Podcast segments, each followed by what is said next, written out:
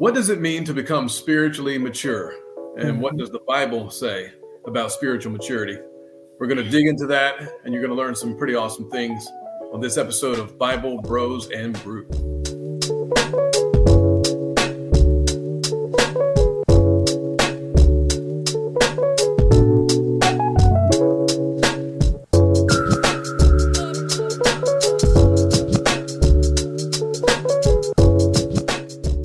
Hey, everybody, welcome to another episode of Bible Bros and Brew. I am David, and with me is the illustrious Philip Rich. And today we're going to talk, as Philip said, about spiritual maturity.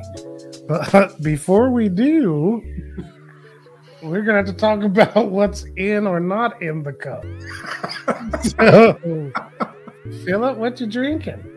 Well, I would like to I would like to highlight a wonderful roaster known as Good Citizen Coffee Company. Uh, roasted in Nashville. It's good inspiration to help me stay on the straight and narrow because only good citizens can partake of this. But sorry, Phil, that's that's a okay. That's just me. Don't worry, everybody. I'm okay. I'm safe. We're trained professionals. We do this all the time. But uh, yes, but it's a Latin American blend, as you can see. Okay. I know you like your Latinos. So it's got dark. Oh my gosh. It's got dark chocolate. Yeah, that's what it is. Dark chocolate, cherry, okay. and balanced notes of awesomeness. So um wow. that's what's in the cup tonight. Now, how about you, David? What's going on? Well, it just seems that in the heat of getting ready, I have no cup. um, but because my cup running over. There you go. in the things of God. Yes. Yes. So tonight I did not need a cup because I am the cup. Right. And I am filled with the Lord's brew. It's in me, coming out of me, pouring over for you, the people. That's awesome. Also known as I forgot and I just realized it and I don't know. I don't have a cup. Forgive me, brew fans, for not having my cup. I will come back strong next week. Yes. Just bring two cups next week. You know, yes. Coffees, even it out. So. Um, not only will I bring two, but I will drink from both simultaneously. so that will solve that problem. All right, now that we know what's in the brew, let's get into this thing, Philip. You kind of brought this to the table a little bit. So talk about what you're thinking and what's going on here. Yes, um, quite honestly, is a topic that I don't know is emphasized a whole lot, uh, you know, in, in, church teaching because a lot of it, of course, you know, uh, a lot of times Bible teaching is kind of trying to appeal to a broad base and in, in a way that's good. But um, there's also these topics that, if you want to call them like deeper life topics or things like that, uh, I think that this kind of falls into that category. And it's interesting because all through the New Testament, there's an encouragement from all the apostles, from Paul, Peter, James, John, all of them, an encouragement to grow unto perfection, not perfection like a being perfect, but to grow to maturity. That's what mm-hmm. the word perfection actually means when it, when you see that in different places in the scripture. Um, and even when in in First Peter, I think it is when he says that we need to desire the sincere milk of the word, right. so that we can grow thereby. Um, and of course, Paul has a lot to say in his letters about spiritual yes. maturity and about growing into uh, a mature believer, a, um, a, fully grown believer. And I think that um, a lot of times we don't think about it that way because we're talking about spiritual things. And so it's not like, it, it's not easy to detect some, uh, uh, in other words, you can't look on any outside evidence or any physical evidence to see if somebody is spiritually mature or not, just based on their appearance. Um, you can tell that, you know, in the natural world, like I know if somebody is a teenager versus if they're a fully grown adult, uh, physically speaking, but um, spiritually speaking, it's not that easy to to discern right. times. Um, but I, I, do think that one of the biggest hallmarks, if you want to call it that, of spiritual maturity, according to what you know all over the the New Testament, it kind of talks about it. It really boils down to have you begun to reflect the character of Christ in your everyday life? And you I think man, you preach, man. I'm telling you this. Um, this is one of those topics that is it can be kind of tough and challenging because it, it's not supposed to leave you how it found you, if that makes sense. Right. Um, right. And you'll see it also in, in the scriptures. You know that there's there's an encouragement constantly from Paul, from the other apostles, that we need to continue to grow, continue to develop our character, to, continue to become more like Christ uh, in our everyday life. That's good, Philip. That's good. Let's jump right into the scripture. Yes, sir. So the first one we're serving up, I believe, will be Hebrews 5. Um, this one, it's, you know, there, there's always that debate about who wrote the book of Hebrews. Some people say Paul did, other people say uh, maybe Barnabas. You know, we, we don't know, but the bottom line is there's there's a definite uh, I think there's some Polish things going on yeah. in Hebrews, Pauline as they call it. Um, I don't know. It may or may not have been him writing it. I have no idea. But even if it wasn't him, it was somebody who probably hung out with Paul. Is right. my thought. But and the reason why I say that is because it does also talk about these same uh, topics that he mentions in other letters that we do right. know he wrote. Right. Uh, and and this is one of the things he touched on quite a bit. So it's in Hebrews five verses eleven through fourteen, and he was talking about the priesthood of Melchizedek versus the high priesthood of Jesus. He was kind of comparing those two. And he got down to verse 10 and he was like, you know, Jesus was a priest called after the order of Melchizedek. And so that's a whole kind of another topic. And you can tell when he gets to verse 11 that he's kind of having to do a little sidebar. And right. in verse 11, he's like, of whom, and he was talking about Melchizedek, he said, of whom we have many things to say, and it's hard to be uttered, seeing that you are dull of hearing. Now, this is interesting. It says, um, For when for the time you ought to be teachers, you have need that one teach you again, which mm. be the first principles of the oracles of God. And you are become such as have need of milk and not of strong meat. And it says, But strong meat belongs to them that are of full age, even those who by reason of use have their senses exercised to discern both good and evil. That's good. I love that. I love that full age. Yes. That means that's another way to say maturity. Yes. You know, come to maturity and can handle these deeper and heavier things yes. that should be discussed. Right. But you're not ready because you're still on that milk. exactly. And you know, um, in verse 13, I think it's interesting because he said, you know, these things are hard to be uttered. Oh, or is it? Uh, there it is. Yeah. He said, We have many things to say, hard to be uttered, seeing that you're dull of hearing. It's mm. interesting. He's he's saying, like, I want to share this stuff with you, but it's hard for me to even get it out because right. I know that it's kind of falling on deaf ears or falling on dull ears, right? Mm. He said, you know, there, by this time, that's what it means. Like when it says for when for the time, it's kind of a weird phrase, but he's basically saying by this time, you ought to be teachers. He's like, you should be doing what I'm doing. He said, but you have need that one teach you again. I love that word again. Again, right. because he's saying, you know, this is something that by this time, you know, we're going back over the ABCs, back over the elementary stuff in the word, the right. first principles, right? And then he said, and you are, and this is another one that jumped out to me, and I'd love to hear your thoughts on it too. When he said, and you are become such as have need of milk. It's like maybe they were at a point where they had been well taught, but then it seems like it was almost like they regressed, if you want to call it that. Right, right. You know, well, we've, we, we've seen that though, haven't we?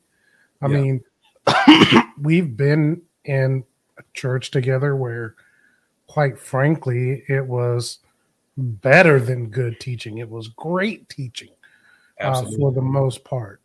But then we also saw how, in some senses, how little impact that word had on people's lives.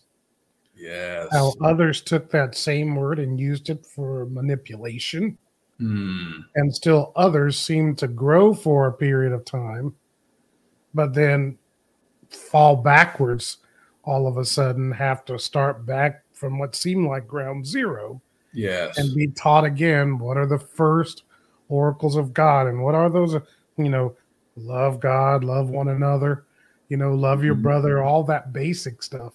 Yeah. And it seems to me that what he's calling for is we should be beyond all of that. It's Absolutely. almost to say, why do I have to come back and reteach you to love your brother? Right. Why do I have to come back and reteach you that faith is the substance of things hoped for, the evidence of things unseen? Mm-hmm. You know, all of these things. Why do I have to reteach you that, you know, love the Lord your God with all your heart, soul, might, and strength? Mm-hmm. That should be established in our lives, and we should be going on to greater things. Yes. Yes. That's what I'm hearing he's saying. So I also then hear the frustration in mm-hmm. that the desire to want to tell people more, but to know that you can't because they can't hear it. Hmm. Goodness, man. And to hear it could potentially mess them up. To hear mm-hmm. it, they'd be confused. To hear it might send them the wrong way altogether. Yeah, yeah that that's that's real that's serious talk right there. Absolutely. I mean, if you think about it, it, it would be no different than me trying to talk to like a three year old about dividend reinvestment plans. You know, you ready for that one there. but it's like there's certain topics that, based on the maturity level of the hearer, you know whether or not they can handle it, right? And and even Jesus, you know, when he was on the on the planet with the disciples, he said, "I have many things to say, but you can't even bear them right now." You know, he knew there were certain things that they just they weren't even ready to hear. And it's um I think that one of the things that maybe is is a hindrance to spiritual maturity, and, and you tell me what you think about it, David, It's I think that if you never come to the place of making your mind up to do the word, to be a doer of the word, not right. just a hearer, but a doer of the word, just like James 1 talks about. Um, that process of doing the word and, and being consistent in doing the word, I believe, is the ultimate path to spiritual maturity. That's that's what actually grows you up, right? right. And that's it's, good. It's not just hearing it because there's people like you and I both have have encountered these kind of people, but they've been in church for decades, mm-hmm. but they still they're still shady. You know, they're still right. Uh, they can or be. They, or how about they just simply haven't grown? They haven't grown. That's that's They're probably a better way to put it. Right at the same point. Yeah. Still talk to you about the same stuff. Yeah. And there's no growth in them. Exactly. Still struggling with the same fleshly issues, if you want to call it that. You mm. know, and I'm not I'm not saying that you know that there's not a season for f- battling through that that you have to overcome and all that. I know that that you know everybody's in a different process with that. But but there are some things that after a while you know if you've been walking with the lord long enough you know you have to lay them aside right? Right. You know you can't keep persisting in something that is i mean blatantly against his will and his way and then just act like it's okay for you to keep doing that thing. Oh dude. Okay so okay i'm not gonna act out right now But isn't that what first? I think it's either chap. Well, it really starts in chapter three and gets into chapter four of First John, mm. where it's like there comes a point where it's like, you know, if you continue in sin, then there's question about whether you're even born again. Ooh. Whether you're Ooh. a Christian. Because it goes as far to say that no man who commits sin And in the mm-hmm. sense of commit sin, it means who continues in sin Yes. can Yeah. say that, you know, he loves God. Yeah. Because at some point, if you truly love God, then you can't continue in sin.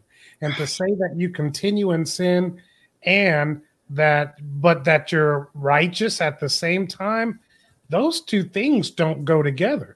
No, And it, not. it's not us being hard on people, it's First John yes. scripture is just it's laying out and it's not to say that if you have sinned once or you know even if you've said you've fallen into this thing a couple times that all of a sudden you're not worthy but it's to knowingly commit that sin over and over again Yes. and to move to the point where you're without remorse in it Mm, as well goodness. you move to this place where it's like, you know, even Paul, I mean, John says there, he talks about they were, they were basically of us, but they weren't with us because if they were, then they'd still be here. Come on. Yep. Absolutely. So that it's a, it's a, to mature is quite a serious thing for Yes, us because if we walk with the Lord, you know, you get born again at whatever place you get born again. And if you never progress from that point, then you're stagnant and there's something not right. That's it. Um, I remember um, you probably remember this too. The the pastor we used to sit under, he had this little saying. He would say it all the time. He was like, "If it's cold outside, you're going to get chill bumps. If Right. it's, if it's 100 degrees, you're going to be sweating." He said, "If you are born again, you should be showing some signs." Bro. You know, and that thing just I love that. It just always stood out to me. But that's But, but talking. then, don't you think then that even like just this, I, I'm hearing what we're, I'm hearing what the scripture says. I'm hearing what we're saying, and all of a sudden it just hit me. I'm like, and this is one of those hard sayings. Yes. Very this is where the rubber tends to meet the road for people, and Yeah. you know, then you get the stuff like, well, it doesn't take all of that, Oh yes. you know, and or you know, I'm doing enough. Mhm. or we start evaluating our own Christianity by our own standard Mhm. rather than by the standard of the word and evaluate do we measure up to that goodness, man. and it's uh it's a I, I mean I can tell you honestly it's kind of funny that we're talking about this because if I'm being completely transparent there are some areas of maturity in my life that I've been struggling with and Understood. working on because God demands a different response. I I don't want to say struggling with that I'm having to work on Yeah. Yeah. because I can't continue to respond to certain things the way that I have in the past. Mhm. I can't necessarily talk the way I've been talking. I can't do certain things a certain way, and it calls you up. Yes. And then Yeah. you have to make a decision about whether you will step up to that call or whether you'll remain content Mm. where you are. That's it's crazy. And you know, I mean, I could raise my hand too, man, as far as the things that that I know the Spirit of God is working with me on to try to help me grow up in, in areas Right. that that I know I've been kind of lagging behind a little bit and that kind of thing. And it's it's um I'm telling you, this is something that when you once you get born again, uh, you you actually you actually enter into the biggest self development program you'll ever have in your life. I'm telling you, you This ain't no Robbins Susan ain't Powter never stuff, done this is it? to a guy. it's like Tony Robbins and all those guys put together, man. I'm telling you. right, you know, and I, I mean, and it's funny because even before I got saved, I was into that kind of stuff. I was into the personal development stuff. You know, I, I read I Tony Robbins books. I read all that. Dennis Waitley, Brian Tracy, all those guys. You know, right. Nightingale Conant, you know, that whole thing. Um, and and so I, I I guess I had a kind of a mind to want to improve as a person or whatever. I have no idea. I didn't do a good job at it, whatever it was.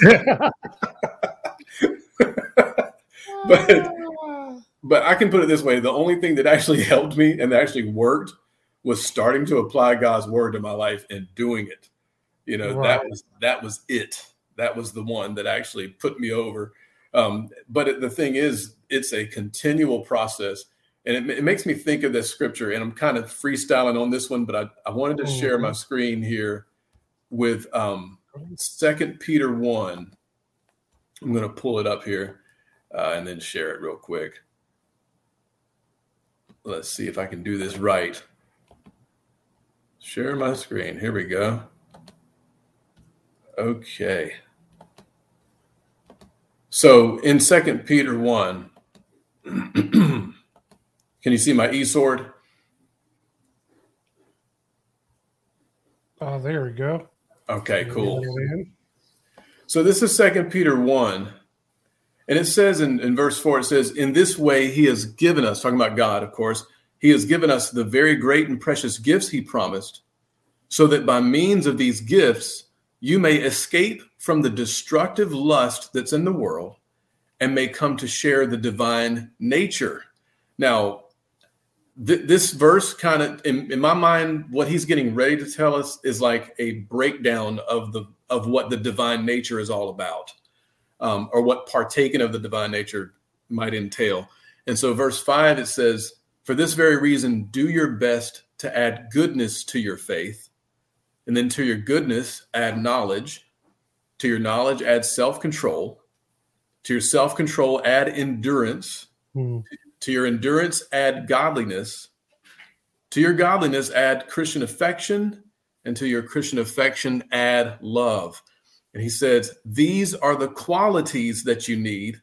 And if you have them in abundance, they will make you active and effective in your knowledge of our Lord Jesus Christ. But if you do not have them, you are so short sighted that you cannot see and have forgotten that you've been purified from your past sins. Wow. Man, good Lord have mercy, man. And um, and then one more thing in verse 10, he says, So then, my friends, try even harder to make God's call and his choice of you a permanent experience. If you do so, you will never abandon your faith. Man. Wow, I love that to make it a permanent experience. Yes. So it's not a passing fancy, it's not any of that stuff. It is permanent. It has an intention to be with you forever. Yes. Yes. And it's wow. all about building these different elements of the character of Christ into your own life. You know, if if we could put like put a definition to spiritual maturity, I think that's probably what it would be. Um, just mm-hmm. based on what I've just read across the New Testament is basically building the character of Christ into your own life. And and that being like as, as it says in Romans 8, being conformed to the image of his son. That's good, Philip. I think that's a great place to just put a bookmark right now. And then we'll Absolutely. come back and we're going to pick it up in the next episode of Bible Bros and Brew. Hey, don't forget if you have questions or want to just share some feedback or whatever with us, you can send that. Uh, first of all, you can use the comment section in this or any of the podcast apps that you're listening on, or you can send us an email. You can send it to gotbrew at biblebros.net. That's gotbrew at biblebros.net. So until next time, I'm David. This is Philip. Yes, sir. Grow up. do that. we'll see you next time. Bye, guys.